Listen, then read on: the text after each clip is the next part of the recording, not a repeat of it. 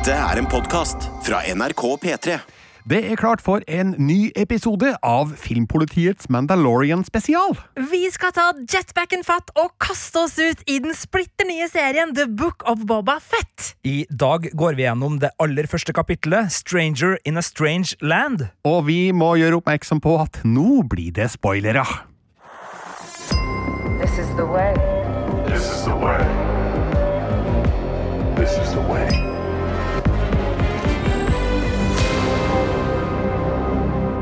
For en glede å være tilbake i Mandalorian og Star Wars-universet. Skjønt, vi skal jo snakke om en annen serie, Marte. Ja, Vi skal jo snakke om The Book of Boba Fett, men det er jo som Kathleen Kennedy, altså Disney-sjefen, sa eh, da denne sesongen her ble annonsert, så sa hun The next chapter in the Mandalorian saga, og det er jo da The Book of Boba Fett. Ja, Derfor har vi putta denne podkasten inn under Mandalorian-paraplyen. Og um, denne spesialen skal gå hver mandag fremover, eh, helt frem til sesongfinalen i februar. I tillegg så får du altså vår vanlige podkast hver torsdag som alltid. I studio i dag Birger Vestmo. Marte Hedenstad. Og Sigurd Vik. Og da er det sånn at uh, It's just another Boba Monday. Oh, Boba Fett på day. This is the way. Soga Soga Fun Day. It's just another Boba Monday. Ja! Deilig å være i gang igjen, altså. Og vi skal snakke om Stranger in a Strange Land, den første episoden av sesong én av The Book of Boba Fett. Regissert av ringreven Robert Rodriguez. Og skal vi bare ta en kort runde her nå? Hva syns vi om den første episoden, Marte Hedenstad? Jeg kosa meg altså så mye. Jeg ble umiddelbart bare revet rett inn i det universet her igjen. Og jeg elska at vi starta med eh, det flashbacket som vi gjorde, og endelig fikk vi vite hvordan Boba kom seg ut av Sarlacc-biten. Vi skal komme tilbake til det flashbacket ganske snart, men Sigurd, hvilke følelser satte du igjen med? Nei, det her var solid Star Wars-underholdning for meg. Eh, hvis man skal liksom sette litt opp mot The Mandalorian, som da er moderskipet, det her er jo en spin-off-serie, så var kanskje ikke den eh, aller største eventyrfølelsen som jeg, har- som jeg har kjent på under Mandalorian, den var ikke til stede i denne første episoden, men det var uh, utrolig fengende. Det var akkurat sånn som det skulle være. De har så stålkontroll på Tatooine og måten de skildrer eventyr her, og jeg syns jo humøret humoren, eh, komedien om du vil, var veldig god i denne eh, første episoden, og lover godt for at det blir en litt annen serie da enn The Mandalorian, som også har mye humor, eh, humor men som, som kanskje er litt mer seriøs Star Wars, for, for her var det jo ganske eh, mange eh, komiske eh, innslag. Eh, Absolutt. Birger, eh, du er jo den som har lengst forhold til figuren Boba Fett eh, av oss. Går tilbake til Stjørdal kino på, på 80-tallet, så vidt jeg husker. Hvordan var det her gjensynet for deg? Jeg er like fornøyd som det dere er. Eh, Den her eh, første episoden den videre, viderefører jo det som var bra med The Mandalorian sesong 1 og 2. Eh, Så man får følelsen av at vi får mer av det samme, og når det samme er en god ting, så er jo det bare positivt. Og det er jo de samme kreftene som står bak her. Dave Filoni og John Favreau er jo i ryggen på Robert Rodriguez eh, her, og skal jo være det utover i hele sesongen. Og eh, hele crewet er nok eh, i bunn og grunn ganske likt det som gjorde Mandalorian, og dermed så føler jeg meg ganske sikker på at denne serien skal holde nøyaktig den samme kvaliteten, både på det fortellermessige og på det visuelle som The Mandalorian, og det så vi jo flere eksempler på i den første episoden. Det eneste som jeg på en måte frykter, da, eller er litt redd for, eller litt skeptisk på, er at eh, hele sesongen kommer til å foregå på Tatooine. Det er vel ingenting som tyder på at vi skal rundt omkring i universet som vi ble med på i Mandalorian, og eh, det kan jo gi visse begrensninger, skjønt jeg tror nok at de har greid å løse det også i The Book of Boba Fett. Det vil jo de neste episodene gi svar på. Men eh, nei, jeg følte meg godt ivaretatt. eh, At verdensbygginga holdt det samme gode nivået, og at eh, de har eh, den nødvendige respekten for eh, law og canon, som vi skal komme tilbake til slutte her ganske snart. Samt at det er gull å se Temuera Morrison kick ass som Boba Fett.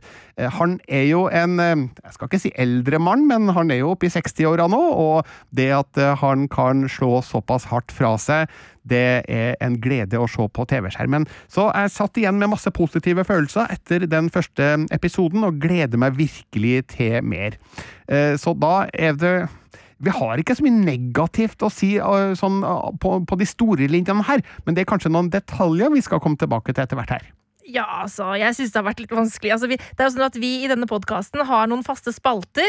Eh, det er ukas Beskar, som er det beste, altså det eh, sterkeste med episoden. Da basert på dette materialet som Mandalorian-rustningen er laget av. Og så har vi det som bomma litt, ukas Stormtrooper. Ja. For de bommer jo ofte. de har en eh, tendens til det, og, og det har jo litt med, med utviklinga av stormtroopere eh, fra, fra clone troopere osv. å gjøre. Og det kan også være greit å si fra her om at vi i Filmpolitiet vi kommer jo til Star Wars fra filmene og live action-seriene. Det er dem vi kjenner best. Eh, og så har vi selvfølgelig også sett en del av de animerte seriene. Men hvis du som hører på er øh, veldig godt ja, øh, godt belest og, og har liksom både bøker og, og tegneserier og sånn i blodet, så, så vil nok vi framstå som glade amatører i, i det her selskapet, så det får vi bare si fra om nå. Altså, det, det er ikke de, de mest kunnskapsrike Star Wars-ekspertene dere har med å gjøre her, men vi er entusiastiske Star Wars-fans som har elska her filmuniverset siden vi så det som, eh, som små, eh, og det tror jeg nok kommer til å skinne gjennom i denne podkasten.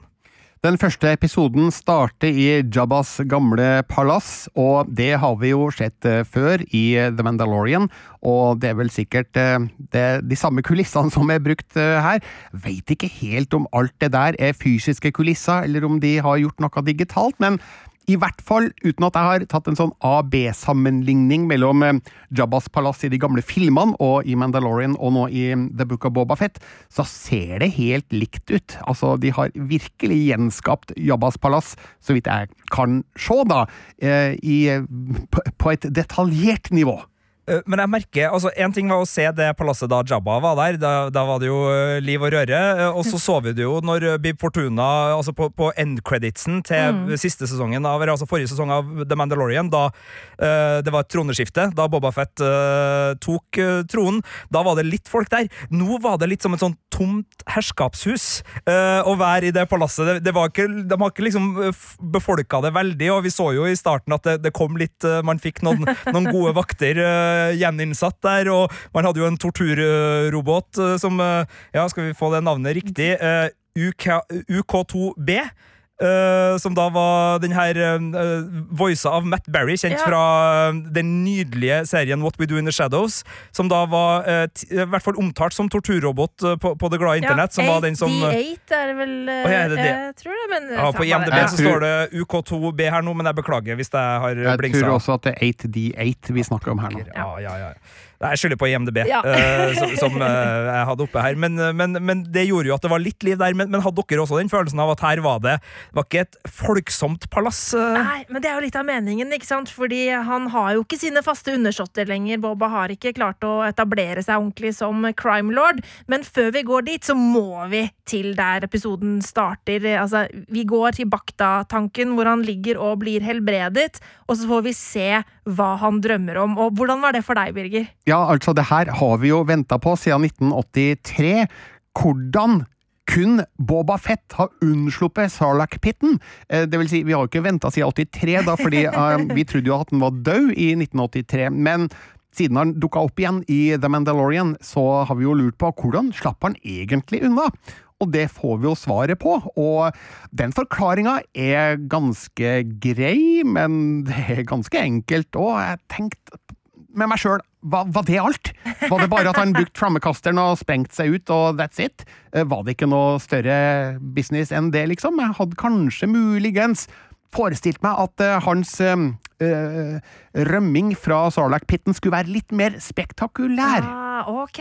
For jeg, jeg syns det var kult. Jeg, jeg likte at vi liksom fikk se hvordan sånn magesyra etser i vei på ting som har ligget Der lå det en sånn gammel stormtrooper som eh, ja, Jabba tydeligvis ikke har vært helt på lag med The Empire hele veien, akkurat. Eh, og, og vi liksom så hvordan han trengte oksygen og hele den pakka der. Eh, men ja, jeg, jeg kan jo se for meg at det kunne vært mer spak spektakulært akkurat idet han på en måte kommer seg løs, men det var jo et øyeblikk eh, da vi fikk se at han på en måte karrer seg opp av sanda, og vi ser liksom perspektivet via hjelmen, og vi ser liksom først den ene sola, så den andre sola gjennom liksom T-en i, i visiret, og jeg syns det var jævlig fett. Det var morsomt, og det var kult å se hvordan han faktisk gjorde det. Det er jo en viktig del av Star Wars-legenden her, som blir avklart, eller ja, avslørt, kan, kan du si da. Eh, tenkt kanskje at hadde det vært en film det her, så hadde akkurat den episoden blitt eh, mala ut med litt bredere pensel og med litt flere detaljer. Kanskje litt mer blod, kanskje litt mer gørr.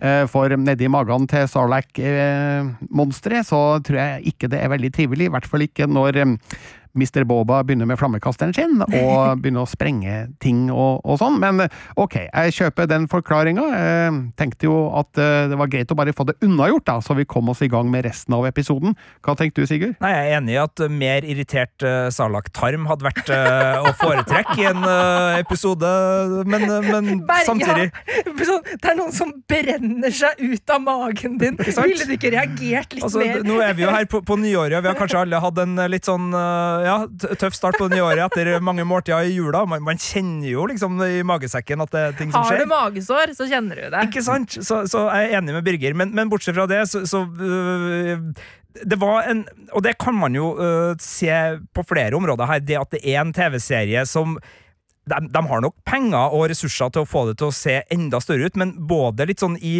uh, Tusken Rider-samfunnet og i monsterutbygginga. Altså, det var litt sånn homasj til en litt sånn gammel TV-estetikk her også, sjøl om det er hypermoderne med den her domen som de spiller inni, og alle de digitale mulighetene de har, så syns jeg uh, John Favreau og Robert Rodriguez viser at de uh, er to karer som er glad i, i gammel sci-fi, og som, som lot en del litt sånn Skal ikke si eh, enkle effekter være igjen, men, men eh, her var det en del sånn practical effect som, som fikk lov til å skinne, og jeg syns det var kult. eh, samtidig som jeg, jeg skjønner innvendinga, Birger. Vi skulle gjerne ha hatt litt mer gore. Men la dere merke til noe som mm, på en måte mangla da Boba Fett kom seg opp av Sarlacc-pitten? Eh, Vi, vi så ingenting til dette nebbet som George Lucas putta på i spesialversjonen av eh, Jedi-ridderen vender tilbake i 1997. ja, takk og lov for det. Eh, George Lucas har vært veldig glad i å ja, hva skal vi si? Eh, eh, ja, rettkomme, ja, det er det det heter. Og det har jeg tenkt på sånn i ettertid, etter at Dune har kommet. Så tenker jeg sånn, kanskje han putta på det der nebbet for å få sarlaken til å se mindre ut som en worm. Eh, Fra, fra Dune. Usikker, men den var i hvert fall fjerna nå. Eh, Så det var jo litt Ja, gøy, syns jeg, da. det var ingen som brydde seg om Dune i, i 1997. Men kanskje han tenkte sånn Den dagen dette blir film, da må jeg være rusta for, ikke, for at ikke det skal bli for likt. Eh, Men alt det her skjer vi jo i et flashback mens Boba Fett ligger i en vanntank i Jabbas palass. Eller Bobas palass, må det jo være nå. Eh, Og det er også en sånn kjent Star Wars-greie, dette med å ligge i, i vann med en oksygenmaske og mm, ja, heles og, og leges. mm. Tydeligvis et eller annet med vannet i Star Wars-universet som er veldig sunt. Ja, jeg lurer på hva som er i den baktatanken av eh, noe helbredende Livets vann inni der, tydeligvis. Men Er er det baktatank eh, Darth Vader også har brukt eh, litt opp igjennom eh, for å fikse seg sjæl, eller er det andre type tanker? Så Ja. kan, kan vi nok om tankene her til å Jeg, tror, jeg, jeg har bare antatt at det er samme type tank Ja. eh, som på en måte brukes her. Eh, og så, så, så ser vi jo at det tydeligvis har funka, da, fordi eh, hvis vi husker hvor, og som vi også ser i flashbacket, hvor arrete han ble av alt, eh, all syra i magen på Sarlacken, det blir jo borte. Eh, Så det er noe magisk vann. Men vi får jo flere flashbacks mens han ligger i den eh, tanken, og egentlig så var det et veldig smart grep for å fortelle Bobas historie på to tidslinjer, altså nåtid og fortid, da, for å ta en brei pensel over det. Eh, Sånn at vi får jo se litt sånn flashbacks fra den der regnplaneten eh, Camino. Camino, og Mm. vi ser også da Aftermath, eh, hva heter det på norsk? Etterspillet. Ja, Etterspillet, ja. Etterspillet på um, eh, det store slaget i Attack of the Clones, der um, hans far dør, altså Jango Fett. Uh, så um, her får vi liksom forhistorien til Boba, uh, hvordan han ble Boba, og hva som skjedde med han inntil vi møter han i dag, da. Og jeg regner med at de videre episodene kommer til å fortsette akkurat det, for det er mange spørsmål her om hva som egentlig skjedde med Boba på Tatooine.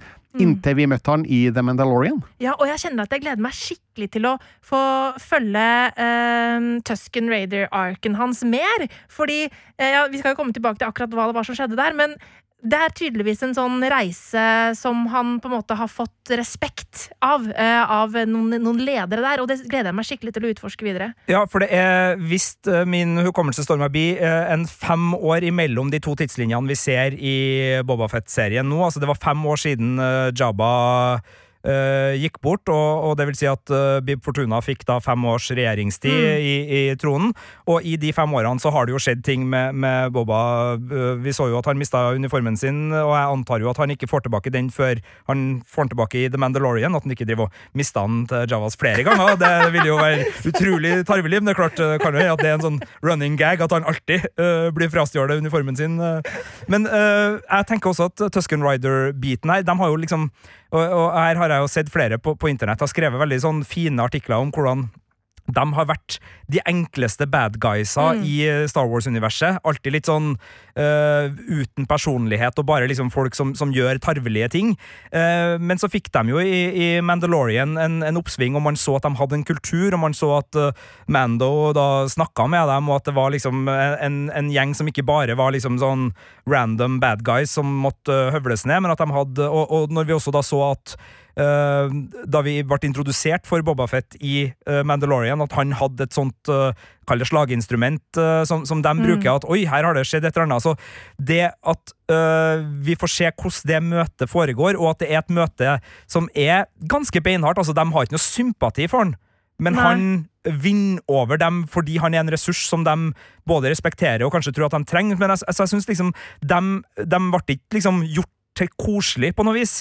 De er fremdeles ganske Litt Ja, litt koselig. De var, var litt søte, men, men det var fremdeles liksom Det var ikke noe sånn der Uh, altså, De gjør fremdeles ganske fæle ting. De har slaver, de, de er harde, men så, så er det noe med kulturen deres der Bobafett uh, vinner dem over ved å være noe som de både respekterer og trenger. Så, så jeg syns de gjorde det på en fin måte der. Ja, og jeg tror at eh, etter hvert hvor vi ser da Fennik og Boba eh, i- i tronsalen og skal på en måte få eh, sine undersåttere til å komme med tribute osv., så, videre, så snakker de jo om skal man regjere med frykt eller med respekt. Eh, og, og der følte jeg at det er noe han har med seg eh, fra Tusken Raider-tida si.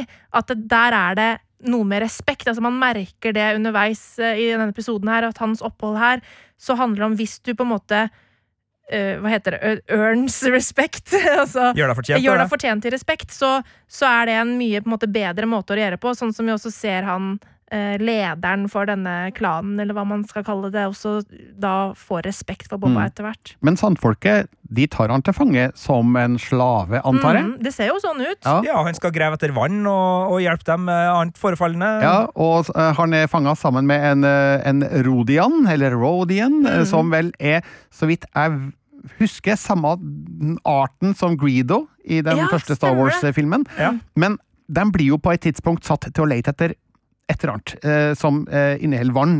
Jeg skjønner ikke helt hva det er for noe. En En sånn kok plante. kokosnøttaktig sak eh, som eh, Som ligger ja. rett, rett under sandoverflata. Ja. Ja, det, kanskje, det, kanskje det kan, for dette, dette, er- oi, det- det- det- det- dette er sanddyner som ofte er i bevegelse, sånn som det jo gjerne er i ørkenlandskap. Og da eh, ser jeg for meg at eh, disse plantene kanskje rives løs eh, og ruller av gårde, ikke sant? Og, og blir dekt av sand, så man må grave litt rundt omkring. Men de er jo rett i nærheten av en eh, sånn eh, vannplantasje, eller hva er det man skal kalle det, moisture farm, eh, som jo ser at eh, det er noen som raider eh, rett eh, før de skal begynne å grave. Så det er jo da det er fuktighet i området, og det er derfor de graver der. Og det er en sånn liten greie som det som jeg syns er så bra med det her universet, at vi stadig får sånne små pirk og vink til hvordan det her samfunnet egentlig fungerer, og hvordan det kan fungere på en veldig, veldig tørr planet. Og ja, det syns jeg var et ganske stilig konsept, da. Han får jo også en slags øh, Er det en øh,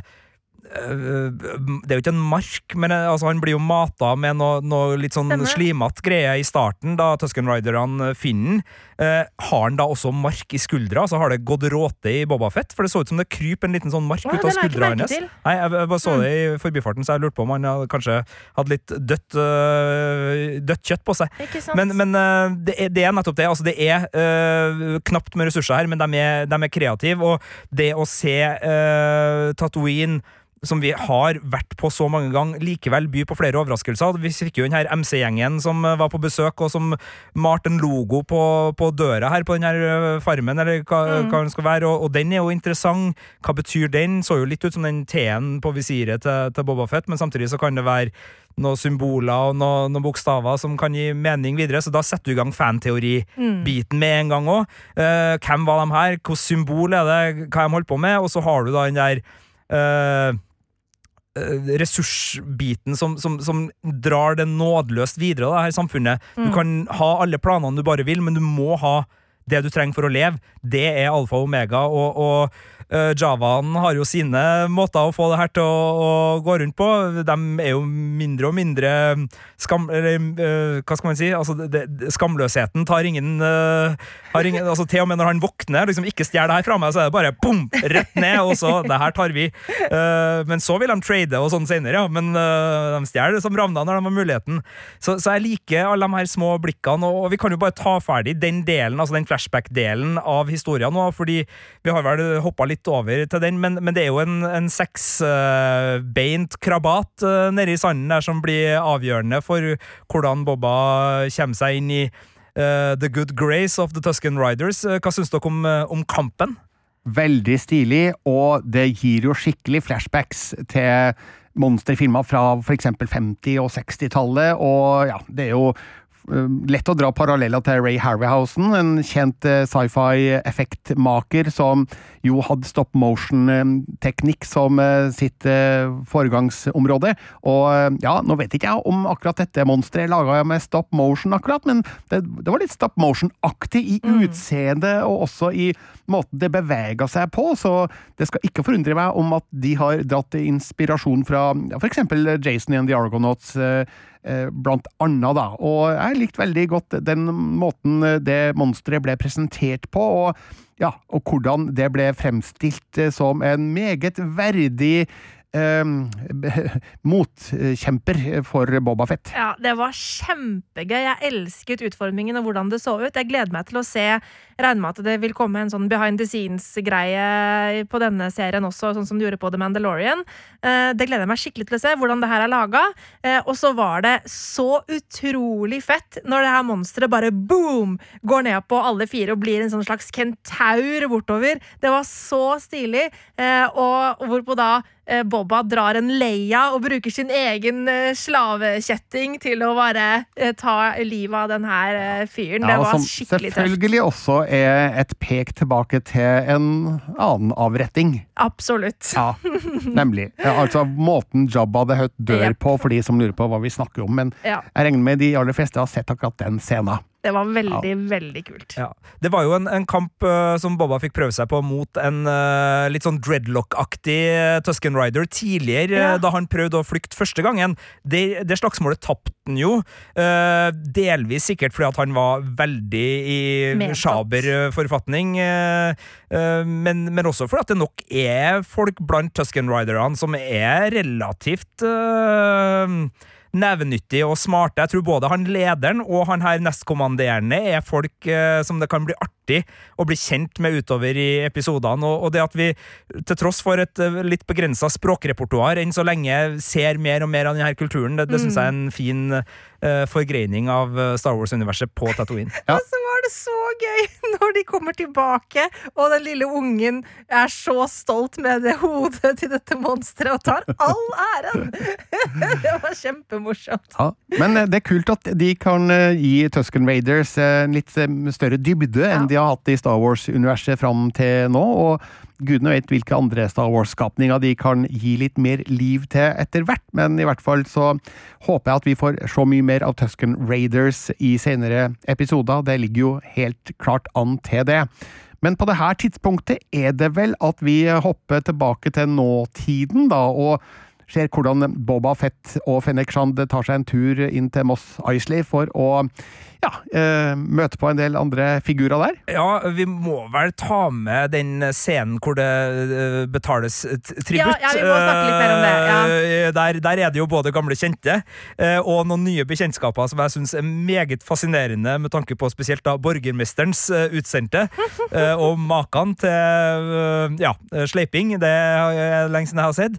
Eh, Og så lurer jeg også på eh, Han får jo noen gaver, eh, Boba Fett, av eh, noen tidligere eh, der. Mm. Eh, det skinnet han får Det er en sånn Ja, dyrepels. det, det så litt Wookie-aktig Det så litt Å, ut! Å, herregud, det la jeg ikke Ja, merke til! det, jo, det, det svei i i hjertet mitt da jeg så den. Det så, nei, det, er du sitter ikke her og det, er- altså, har flådd Wookie. Ja, nei, altså det var litt for likt uh, wookiepels til at jeg kan tro på at det er noe annet enn det. Uff, Ja, nei, Godt du sa det, Birger, for der, der kjente jeg altså, Er det bare jeg som griper til tragedien her for å krisemaksimere, eller er det der en Ja, wookiepels? nei, men, ja. men, men samtidig jeg er ikke sikker heller, Neida. for det var litt vanskelig å se det. Men, vi eh, to på Wookie-pels og én som ikke fikk det med seg. Ja, så langt Ja, får vi se hva det her uh, kan være eh, etter hvert. Jeg tror på det. Ja.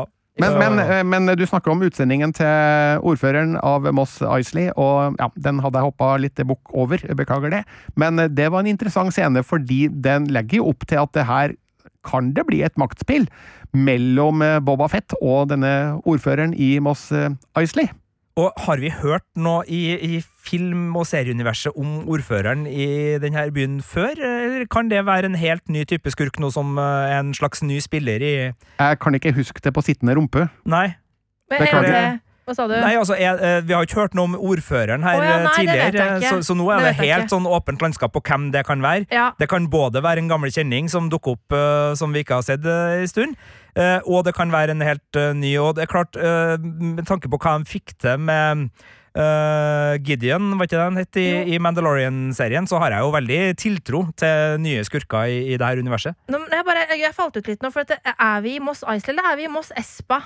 Det er Moss Espa. Det er Moss Espa. Det Er Moss Espa. Ja. Jeg sa Moss Isley, jeg tar på meg all skyld, beklager. Men eh, Moss, i hvert fall. Moss. Det er Moss. Det er, vi, skal til vi Moss, skal til Moss. og der er det sannete. Ja, Ja, der er Beklager, folkens. Ja, ja, ja. men Men- eh, men jeg, jeg, jeg elska alt med det, og jeg syns det var så kult på en måte hvordan vi ser at eh, Bobba, han er jo ikke Han er jo ikke en good guy, men han er ikke en bad guy heller. Altså, han driver jo og skal regjere. Han skal jo få liksom tributt fra eh, ja, ja, ja. folk, og liksom Han har jo tenkt å liksom være crime lord her. Ja, han, Men- han, han aspirerer til å være en bad guy. Han gjør jo det. jo det. Men han har lyst til å regjere med respekt. Ja, ikke sant. Litt sånn Don Corleone-aktig. Ja, Ja. jeg syns det. Og, og altså, øh, fordi Bob Buffett var så kul som han var alltid, og fordi han nå har på en måte tatt en slags helteskikkelse, Mm. så eh, har han jo en relativt brokete fortid. Eh, altså, når du har liksom samarbeid med Darth Vader på CV-en, eh, så tenker jeg at du skal,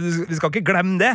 Eh, så, så jeg liker jo at eh, de spiller opp han som en nok noen hakk eh, verre type enn Mando. Ja, Som, ja. er en, eh, som også kan gjøre en del eh, tvilsomme ting i sin dusørjegervirksomhet. Men eh, Bobba har i hvert fall vist seg villig til å gjøre eh, ganske fæle ting. Eh, Så, så jeg er spent på hvordan de har liksom tenkt å legge en sånn nyansemessig i Mm. der, der etikkmuskulaturen vår må jobbe litt for å like den. Ja, ja, og det syns jeg er veldig gøy. Eh, men sånn som per nå så ligger det på at det er veldig lett å like Bobba enda. Så det blir spennende å se om vi kommer i noen situasjoner hvor han på en måte må skru seg litt til på bad guy-sida. Ja, men eh, selv om han er bad guy, så kjemper han mot enda badder guys. Det er sant. Sånn at eh, jeg tror at denne etikkmuskelen du snakker om, Sigurd, Ja. Den får vi ikke et problem med. Nei, og Bare det at han er den første vi har sett på den trona som ikke har kvinner lenka til trona, ja, er jo et kjempesympatisk enda, da. Ikke sant? Kjempesympatisk Altså. Torturroboten har jo fått nye oppgaver! Ja, øh, og er litt frustrert over det det, muligens, men, men det,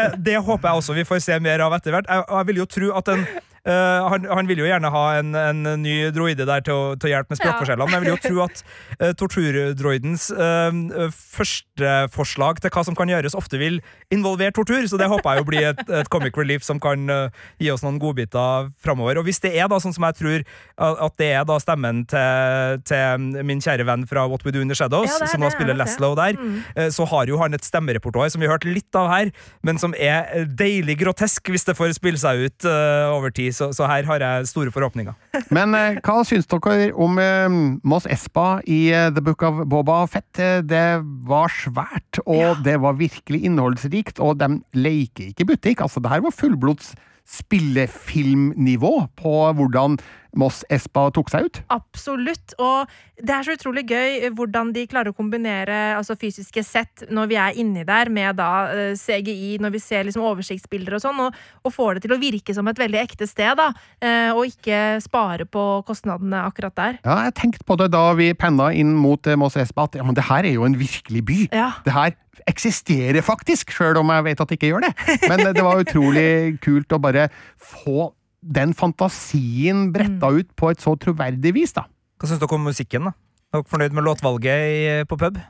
Ja. Altså, det var gøy. Det var jo en liten sånn Cantina-band-remix, vel? Ja, det tror jeg var, var rett. Og, og instrumenter Det var mer gitarsolo denne gangen, så vidt Ja. jeg fikk med. Det var Ja. ganske mye gitarsolo. Ja. En liten, eh, liten blå kar eh, som Max eh, Rebo. Ja.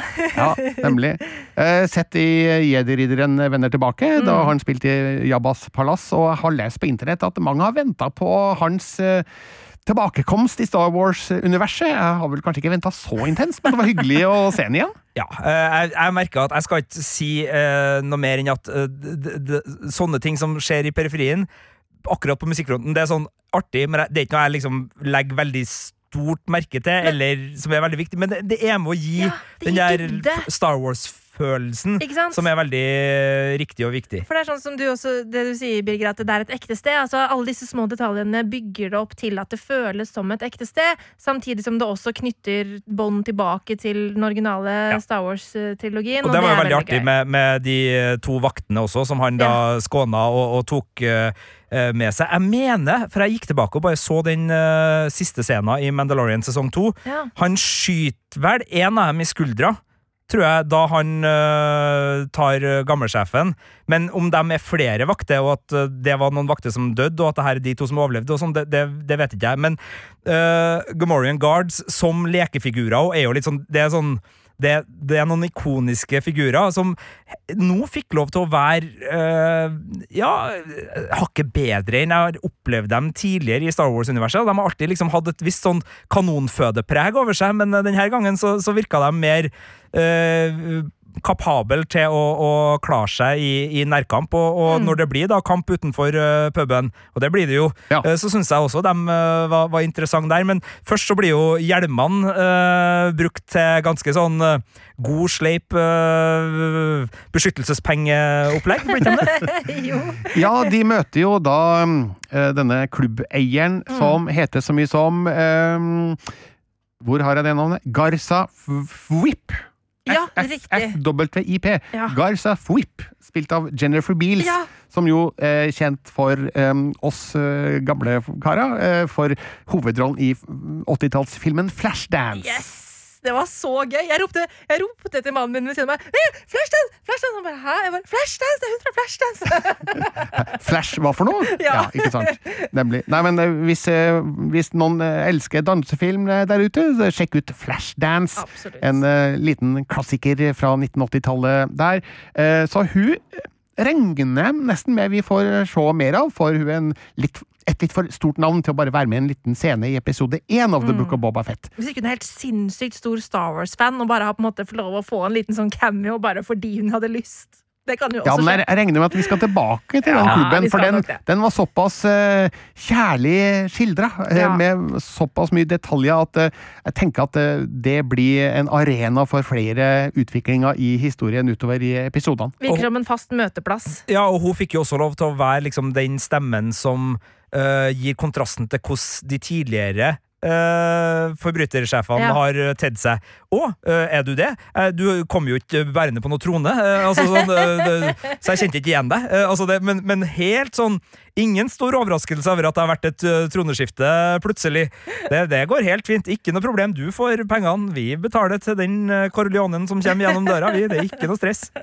Men etter det besøket på den klubben, så blir de jo angrepet ute i gata, og eh, der får vi rett og slett en parkourjakt eh, i Moss Espa, og det viser seg at eh, den byens arkitektur inviterer jo til, til parkour-action, så det var et veldig heldig valg, syns jeg. Hva tenker dere om den scenen? Eh, altså, jeg syns jo parkour action er veldig, veldig gøy, og det ser kult ut. Men det er kanskje òg litt grann oppbrukt. Ja, nei, altså det, det ble jo på en måte finalen på, på den slåsskampen, som jeg syns brukte uh, strømbærende skjold på en veldig veldig interessant måte i, i starten. Og så uh, merka jeg jo at uh, det, det er forskjell da på, på våre to uh, kall det hovedpersoner i, i Fennec og Boba Fett når det gjelder uh, hvor atletisk de er, og hvor mye de tåler. For sjøl om uh, Boba Fett fikk seg to sånn skikkelige støt på slutten der, så prøvde jeg å se gjennom den kampen. Sånn, får de merkbart forskjellig juling, eller får de sånn cirka sånn, like mye juling? Og de, de får sånn jevnt med juling, begge to, men de gir jo mer enn de tar. Men resultatet er jo at Bobba blir liggende igjen på bakken og, og er ganske sånn «Huh, I'm too old for this shit, som enkelte i Dødelig våpen øh, pleide å si. Mens øh, Fennek er jo bare fullt firsprang og full parkour etter, og det er ikke en uh, antydning til noe som hemmer den dama Ja. når hun tar opp jakten. Hun er mye yngre, men, men altså, eh, Boba tar jo også tak i en av disse strømstavene på et tidspunkt og Ja, holder den ja, han ganske lenge. Dumdristig, vil jeg si at han, Eh, øh, han er. Men nei, han, han får, han Ja. får to sånn skikkelige kavringer på tampen Ja. der, som gjør at han må tilbake til, til Bakta-tanken og, og lade seg opp. Men det er jo også litt tydelig at, øh, at øh, Boba er sårbar her, fordi Mm. ting er at han må tilbake til Bakta-tanken etter den slags øh, slåsskampen. Han ligger jo også i Bakta-tanken på starten. Mm. Eh, Men husk så, at det, altså, det at det er en, en litt redusert Det er jo ikke så rart, da vi ser jo hvor svidd han blir fem år tidligere Ja, gjennom mørket. Men, alt, men eh, ikke bare det. Altså, der må eh, du som eh, er lawmaster i Star Wars-universet, gjerne sende oss en e-post. Filmpolitiet.nrk.no. Men selv om han eh, ikke har den eh, på en måte gentuklinga som har gjort at han har kortere lifespan enn de andre så klonene, så, han, så er han jo fortsatt en klone. Så det er bare sånn, hva vil det gjøre med hans lifespan? Altså, må han kanskje jevnlig ligge i baktatank fordi han er såpass oppe i åra som klone nå? Det lurer jeg på. Hvis du som hører på veit noe om det, så send gjerne inn på e-post. Filmpolitiet, alfakrøll, nrk.no. Mens dere snakka om det, så måtte jeg gjøre et lite søk på internettet her, fordi jeg tror kanskje vi er litt forvirra om denne torturroboten. Er vi det? Ja, um, UK2B, eh, Sigurd, Ja. eh, det er den roboten vi snakker om. ja. Eh, Men eh, det er en robot som er av typen 8D8, så vidt jeg kan Ja, skjønne, og så er da navnet Da er. UK2B. Så vi har snakket om den at samme roboten, bare brukt ulik benevnelse. Ja, for du har brukt navnet, vi har brukt eh, typen. Ja, da skjønner jeg. Da ikke sant. frikjenner jeg IMDb for uh, slurv. ja, og be be Øh, beklager men- til alle Star. Wars-fans som syns at vi er skikkelig idioter nå. Ja, det er vi jo, men, Men begge hadde rett. Eller alle hadde rett, da. Alle hadde Alle hadde Ja, rett. veldig bra du oppklarte det der, Birger. Ja. Flott uh, droide slash robot slash opplegg uansett. Og man skal jo kanskje bruke folk sitt navn, og ikke bare, ah, ikke bare type. Det er jo riktig, det. Eh, en ting som slo meg når denne episoden var over, var jo at uh, igjen så avsluttes uh, episoden med, med, med artwork fra episoden. da, Akkurat sånn som The Mandalorian sesong 1 og 2 har gjort. Og jeg blir sittende bare og se og se og se på de nydelige bildene, og tenke at hvordan hadde det her sett ut som tegnefilm i den stilen. Det hadde kanskje ikke gått an, men det er utrolig hva disse artdesignerne har greid å fantasere frem av visuelle godbiter. Ja, det er kjempegøy. Eh, og jeg bare For noen folk eh, som på en måte sitter og ja, koker opp det her og skal liksom legge grunnlaget for hvordan ting ser ut.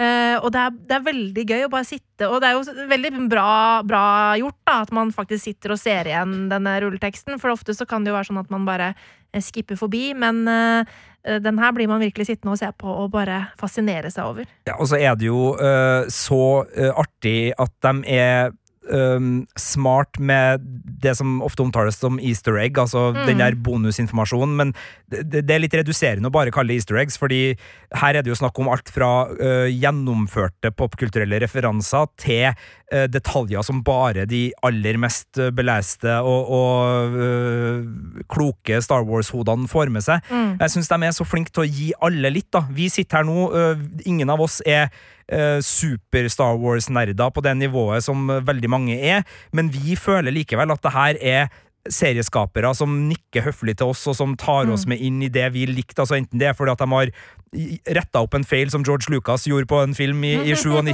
Nei, ikke i 97, i 2000 og Uh, Ja, nå var nei, det de- var han, nei, det var 97, ja. Han uh, remastra, var det vel, ja. ja. Ja. Eh, eller det er um, sånne små ting her og der, eller det til andre ting, da, sånn som du sier, at det var et veldig sånn 50-talls-type monster, litt sånn monster fra Den blå lagune-aktig, sånn at filmfans som kanskje ikke har så veldig stort forhold til Star Wars, likevel føler at her har Robert Rodriguez den gamle uh, regissørnestoren som han er, plukka opp noe, noe så, så jeg syns det er utrolig artig å være i den verdenen her, uh, som filmfan og som Star Wars-fan. Uh, og, og jeg liker at jeg ikke føler meg dum her, Ja. sjøl om jeg vet at jeg ikke vet. Jeg syns de klarer å liksom ta meg med inn i det på en måte som gjør at jeg er en del av vennegjengen åkke som, da. Og det er en, veldig fin egenskap, syns jeg. Og så er det jo masse ting vi lurer på her. ikke sant? Altså, vi lurer på Hvem var disse rødkledde, maskerte uh, soldatfolka? Muligens borgermesterens soldater, men vi vet ikke. Vi vet ikke. Hvem var uh, disse motorsykkelbandefolka som tatt, eh, jo- drev og tagga på det som ligna på en eh, sånn eh, plantasje som var av den typen uh, Luke vokste opp på i sin Mhm. tid. Altså, uh, og her florerer det jo masse ting på internett som vi sikkert har lyst til å ta opp ved, i, i senere podkast. Det er litt lite fanteorier enda sånn som har fått satt seg skikkelig til at vi skal gå inn på det i dag.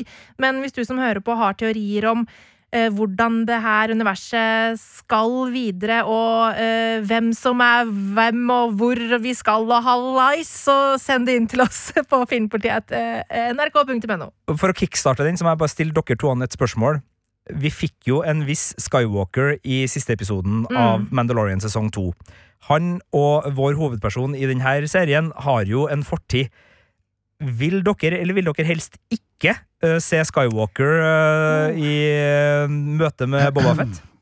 Jeg tenker at jeg kan gjerne få et lite gjensyn, men et lite gjensyn. Jeg tror ikke at jeg ønsker at Luke Skywalker skal bli en gjennomgangsfigur i The Book of Boba Fett, men kanskje han kan gjøre et lite innhopp i ja, for eksempel den siste episoden, eller i hvert fall refereres til på et eller annet vis, men at en digital Luke skal være med som en hovedfigur i noen av episodene her, det, det tror jeg kanskje ikke er til seriens beste. Nei, jeg er enig, fordi selv om jeg grein som en eh, som meg sjæl da, da jeg så den siste Mandalorian-episoden, eh, både fordi avskjeden til Grogu, men også på grunn av Lukes tilbakekomst, eh, så så det jo Det var jo en Canny Valley, eh, med tanke på hvor, hvordan dette CGI-fjeset så ut. Eh, så jeg tror jeg vil bli måte litt revet ut av opplevelsen hvis han skal være en stor figur i noen av episodene, men et lite nikk Eh, det er jeg absolutt med på. Nemlig.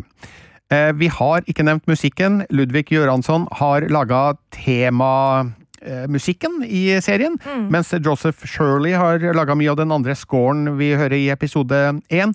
Jeg har lest på internett noe jeg ikke catcha sjøl, nemlig at uh, avslutningsmusikken med, med vokal uh, er veldig lik musikken fra filmen Ronja røverdatter. Uh, den, er noen, no, noen som catcha det? Det tenkte jeg ikke over, men når du sier det, så er det jo ikke altså, sånn, Husk den derre ja, Nå husker jeg ikke Ronny Røverdatter eh, Men så det er jo sånn og Det er sånn koring, Ja, mannskoring. jeg husker heller ikke akkurat Ja. hvordan den musikken Åh, hørtes ut. Så. Ja. men uh, siden Ludvig Göransson jo er Mm. svensk, så er det jo ikke helt utenkelig at han har kanskje trukket litt inspirasjon da, Mm. fra Ronja Røverdatter-musikken.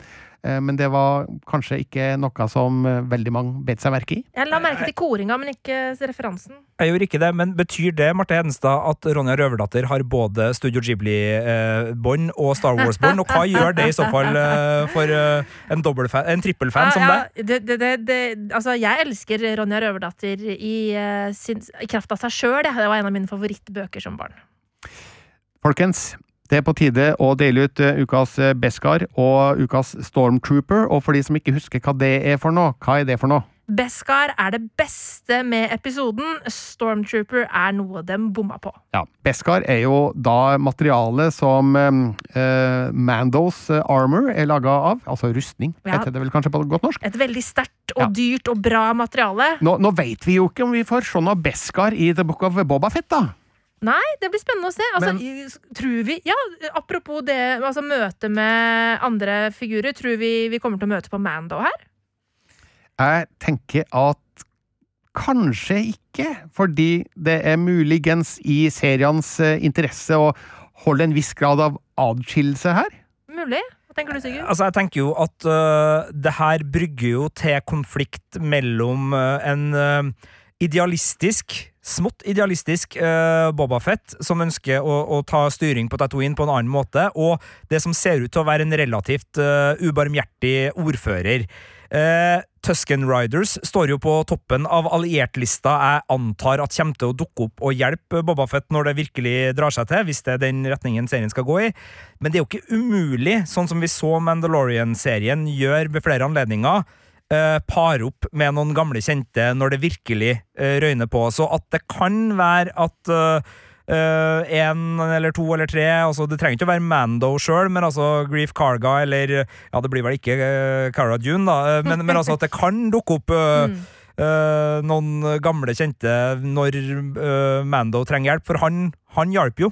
Når Boba trenger hjelp. Ja. Så, Mm. så ja, eh, Boba Ja, Mm. så, så eh, kanskje. Kanskje. Mm.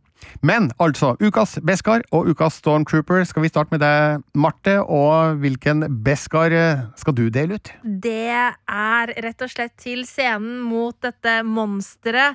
Og, Og, eh, altså, og da snakker jeg om hele greia, bare hele den sekvensen. Om eh, hvordan det så ut, hvordan Mando uh, bekjempa det. eh, og på en måte den referansen til Leia.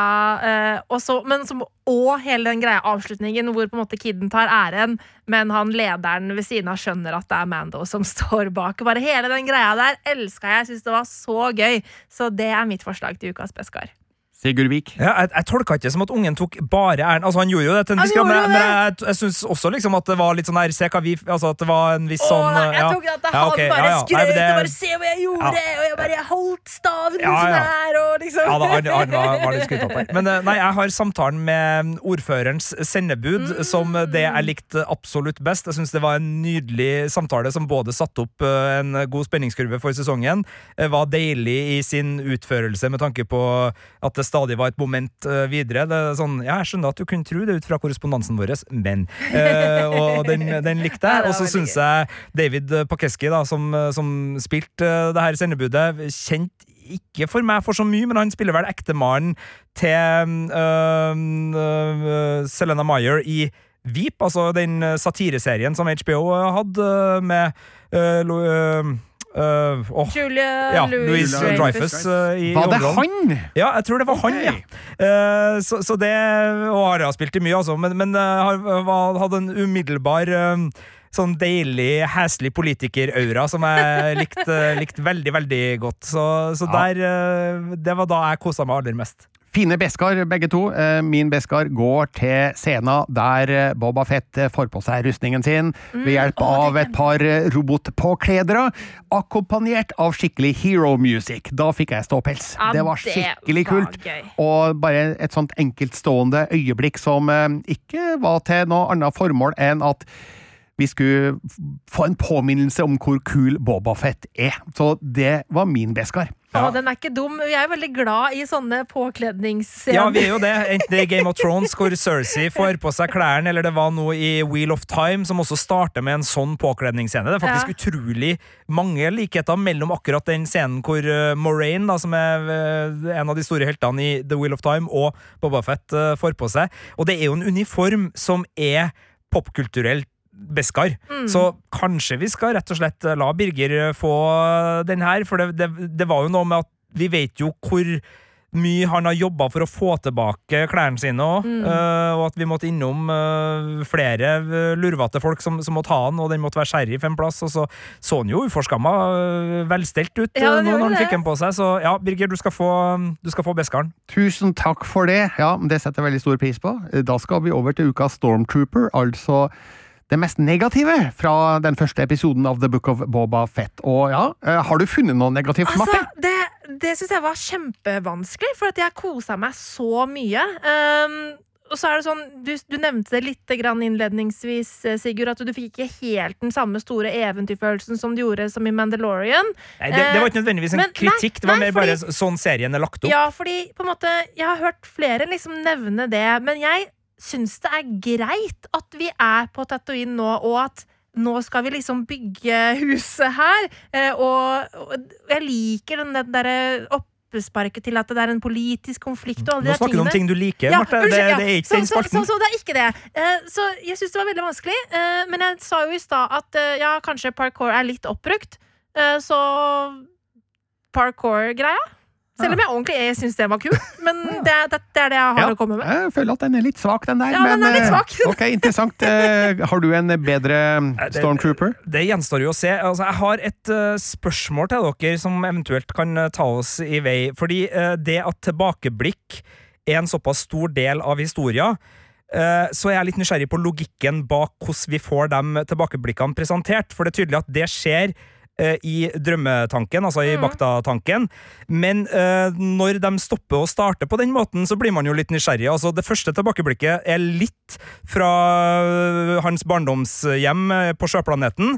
Litt fra da hans far mista hodet i duell på, i, i film nummer to. Og så hopper vi til inn i Scarlet-biten, og så får vi den historia. Og så, når han da våkner, så stopper den drømmen, og så blir den lagt igjen i drøm, og så starter den drømmen akkurat der den forrige slutter. Eh, så akkurat det fortellergrepet jeg, jeg liker det jo, fordi at vi får eh, fortalt det på en måte tilbakeover i tid. Og det kan godt være at det som faktisk skjer, er at Bobafett driver og går gjennom traumene sine.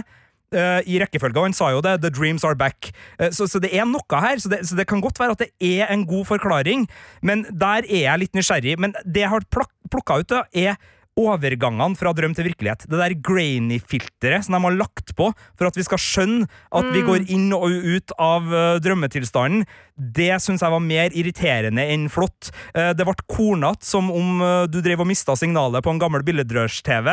Det var ikke min favorittgreie på denne episoden. Og så er jeg litt spent på hvordan de har tenkt å fortsette med tilbakeblikk, om det skal være bare en sånn praktisk greie som skjer hver gang han er bevisstløs eller om de har en større plan. Jeg håper på det siste, at de har en bedre grunn til at eh, de tilbakeblikkene vi får, kommer sånn som de kommer. Altså, jeg, jeg er ikke enig i at uh det at han får tilbakeblikk altså, i drømmene sine, eh, det, det er jeg ikke enig i at på en måte er en dårlig ting. Det syns jeg fungerer. og spesielt- Og spesielt når det, når det også blir eh, adressert. Eh, Men selve den spesifikke overgangen med den grainy, kornete bildet idet han våkner, det er den eneste tingen med hele den ranten din jeg kan være med på, i så fall. Men Og så du har ikke noe problem med logikken bak Nei. at de tilbakeblikkene vi får, er så nøye valgt ut, og at det er stopp tror, vi får jo ikke se hele hans, eh, hele hans eh, Han ligger og sover i timevis. Vi får jo ikke se alle drømmene hans. Det er jo klippet ut til oss. Jo, jo, men når han da går tilbake i tanken, så starter han akkurat der han det var vet jo ikke du!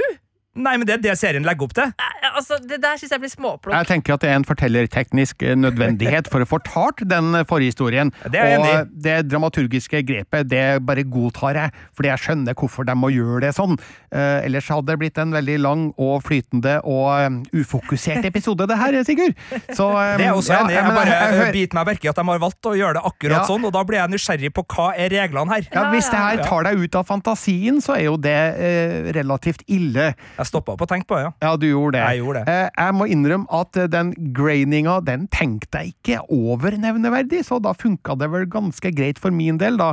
Eh, så jeg føler jo at ja, eh, det det er, en, grunn til hvorfor de har valgt å fortelle flashbacksa i eh, en drømmesekvens, eh, og jeg syns det fungerte helt greit, det. Det er kanskje ikke Emmy Award-vennlig, men eh, ja, det funka etter hensikten, og kicka ikke spesielt nevneverdig på det, må jeg innrømme, da. Så ja, det var Ja, din jeg, jeg får jo bare Stormtrooper. én, så jeg, kan, altså, jeg har jo flere ting som jeg har Ja, latt meg irritere. Så, men jeg skal, jeg skal jo ikke sitte her til, til langt på natt og, og, og klage på Nei. noe jeg egentlig liker. Men eh, ok, jeg kan spørre dere om det òg. Eh, var det innimellom at dere syns at Tusken Riders-skuespillerne ikke traff helt blink eh, på sin eh, Altså, det er jo ikke dialogen vi klager på her, men altså sånn i, i måten de eh, ble Nei. spilt ut på? Nei, Ja, det er, sånn, det er deres kultur. Jeg tenkte heller Eh, ikke ja, på det. det. jeg tenkte på, men med sånn om liksom alle de som Bevegelsene og Ja, sånn? alle dem som er inni der, om de liksom er, var 100 øh, vellykka Men det er jo en del av språket deres, måten de beveger seg på og sånn, Ja. så jeg, jeg kjøpte det. Der ble jeg også revet bitte litt grann ut av øh, fiksjonstroverdigheten ved et par anledninger. eh, Du i- tenkte at her er det vanlige mennesker som har på seg Tusken Raider-kostyme? Vet du hva, Birger? Jeg gjorde det. Ja. Og vet du hva? Er det noe jeg hater i Star Wars, så er det når jeg tenker at det er vanlige mennesker som spiller roller. I Nei da. Nei, eh, det, det var mer bare at eh, det, det var noen eh, elementer av den For det er jo, altså skuespill er jo mer enn bare når man har replikker Ja, og, og mimikk. Og det var noe der som, som virka litt sånn ja, rufsete, tror jeg det jeg vil eh, bruke. Men samtidig, det var ikke noe som var, var galt. Jeg bare jeg fikk nå muligheten til å trekke fram flere Ja, ja, ting som jeg ja, reagerte på underveis. Jeg reagerer jo på så mye, vet du. Men Birger, nå er det din tur. Ja, altså, jeg har jo allerede vært innom min Stormtrooper, og det Ja. er måten eh, Boba Fett kommer seg ut av Sarlacc eh, Pit på. Og det er jo fordi jeg syns det er en så viktig del av Star Wars-law, det her, at eh, det ble litt eh, kjapt og hastig utført. Og fortalt og forklart. Og eh, jeg forstår jo at man ikke kan bruke et kvarter av en episode på 38 minutter, eller hva det nå var, på, På lag den 53 ene minutters episode, da. ja, ikke sant? Mm, på den enig. ene tingen. Men eh, nei, for, for, for meg som så Boba Fett ramle ned i Sarlacc Pit på kino i 1983, så føler jeg at uh, måten han faktisk overlever det her på, hadde fortjent litt mer plass enn det den fikk da som en slags fotnote i starten av episode én. Så ja, sjøl om jeg forstår hvorfor det ikke kunne bli en kvarterlang eh, sak ut av det, så um, blir det Stormtrooperen eh, for min del. Det ble litt tynt. Det ble litt lite uh, ut av et stort øyeblikk da i Star Wars-sagaen. Som eh, svoren parkour-fan Jeg elsker jo parkour i alle Nei da, det, det er ikke sant. Jeg kan, eh, jeg kan være med litt på din, Martin, men jeg er mye mer med på Birger er sin. Og i og med at jeg merker merka at ingen av dere dere er med på mine, så er det nok eh, Birger Vestmo som får Jeg var jo ikke helt eh, med på min egen engang, så jeg, jeg Skal jeg få både ukas Beskar og ukas Stormtrooper, Ja, på, altså? på denne episoden så skal du det. Ja. Men eh, la nå ikke det gå til hodet på deg, min Nei, kjære venn og kollega Birger må- Vestmo, for vi skal nok få krangla utover på mandagene, ja. Jeg skal prøve å justere mine forventninger utover, men eh, vi syns jo at det her var en veldig god start, som lover godt for det vi skal se videre. Ja, virkelig. Jeg gleder meg skikkelig til å følge den serien her hver mandag, eller ja, mandag i podkastform, men hver onsdag fremover på, på Disney Pluss. Og eh, jeg har jo nevnt tidligere at jeg begynte jo å se Clone Wars eh, av The Mandalorian. Falt litt av. Nå er jeg tilbake på Clone Wars-kjøret for å se de siste sesongene Du sesongene jeg får ikke har litt sett. uh, Boba Altså- Fett-background ved å se det. Ja, Absolutt. ja, altså en, en ung, uh, ung Boba. Ja, det har jeg sett. Uh, så, så jeg, jeg koser meg så innmari mye med universet, og serien har nok en gang på en måte kasta meg inn i Star Wars-universet på beste måte igjen, og jeg koser meg sånn med å få være der. Og vi skal få Obi-Wan Kenobi-serie i år, Mm. med Hayden Christensen, som jeg vet at du gleder deg veldig til, Marte. det, altså eh, Det var ikke bare Hayden sin feil. Altså, det manuset, men altså Men det Eh, her, og det det kommer her mer vi Bad Batch, eh, det- animert Bad Batch også i år, gjør ikke det? ja, men, Jo, jo, jo. Unnskyld, en ting. Vi har snakka om det her før. At Ja. jeg så de første mm, tre episodene om igjen for eh, ikke så veldig mange år siden, og Ja. følte at ja, men Hayden Christensen han, han var bedre enn jeg huska han som. Altså, jeg synes han blir, han blir verre for hver gang jeg ser de filmene. Og det er, det er jo ikke like ofte som jeg ser eh, den originale trilogien, eh, men innimellom så må jeg jo se de jævla Du bare liker ikke rottehalen, du. Nei, men altså, han er så utrolig klagete og sytete. Han, altså, sånn, det er dårlig manus. Eh, Altså, det, replikkene hans er det er veldig mye dårlig manus, men han har også dårlig regissert. Eh, fordi her, her burde George Lucas ha seg annerledes. Eh, så eh, jeg er veldig glad for at han ikke lenger styrer absolutt alt. Jeg er så takknemlig for at han har skapt og gitt oss dette universet, men jeg er veldig glad for at han ikke har på en måte alt eh, Alle avgjørelser skal gjøres av han lenger. Det er veldig fint. Vil du vite en hemmelighet om den Obi-Wan Kanobi-serien som bare jeg vet? Oi, ja. Det er at uh, i den eh, tanken som Darth Vader da skal ligge i, så er det masse flashbacks. så han skal tenke seg tilbake eh, til da Så du får Hayden oh, Christensen opp etter vegg... Nei da, jeg vet ingenting om den Obi-Wan-serien. det, Det er, altså, uh, det som er greia, da, er at Clone Wars har jo på en måte gjort Anakin til en likende figur igjen. Han er jo en interessant eh, figur som man forstår mer av via Clone Wars. Eh, sånn at jeg håper at Hayden Christensen har sett Clone Wars, og at han på en måte legger det til grunn for sitt spill når vi nå skal inn i eh, en ny Star Wars-fortelling. Mm. Det skal vi nok komme nærmere tilbake til når eh, den premieren kommer en gang utpå. Vet vi når sånn cirka den Obi-Wan-serien skal komme? Det eh, husker ikke jeg, men altså, vi, hvis vi har flaks, så kommer jo både eh, Obi-Wan-serien, en sesong tre av Mandalorian og en ny sesong av The Bad Batch, som da egentlig er Clone Wars, Ja, altså, bare Ba- uh, Ja. forlenga. The Bad Batch og, og Obi-Wan eh, Kenobi-serien er bekrefta for 2022. The Mandalorian sesong 3 er faktisk ikke bekreftet av Disney pluss enda.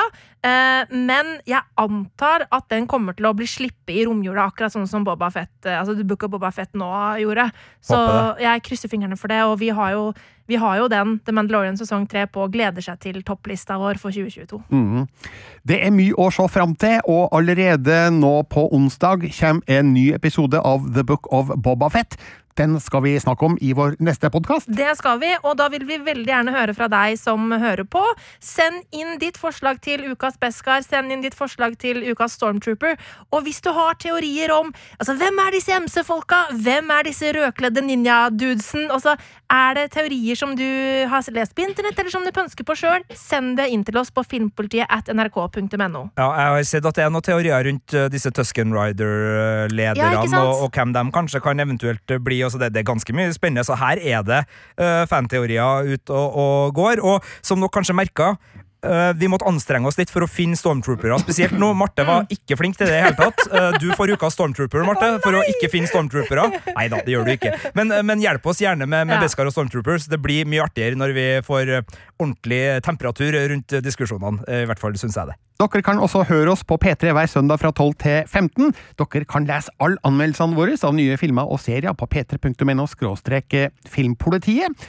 Og med det så sier vi takk for oss eh, her i studio. Det eh, er altså da Birger Vestmo. Marte Hedenstad. Og Sigurd Vik. Og It's just another Boba Monday. Oh, Boba Fett pod day. This is the way. Suga Suga fun day. It's just another Boba Monday. Bedre etter hvert, blitt den det? Ja, den sitter bedre neste gang. Du har hørt en podkast fra NRK P3. De nyeste episodene og din favorittkanal hører du i appen NRK Radio.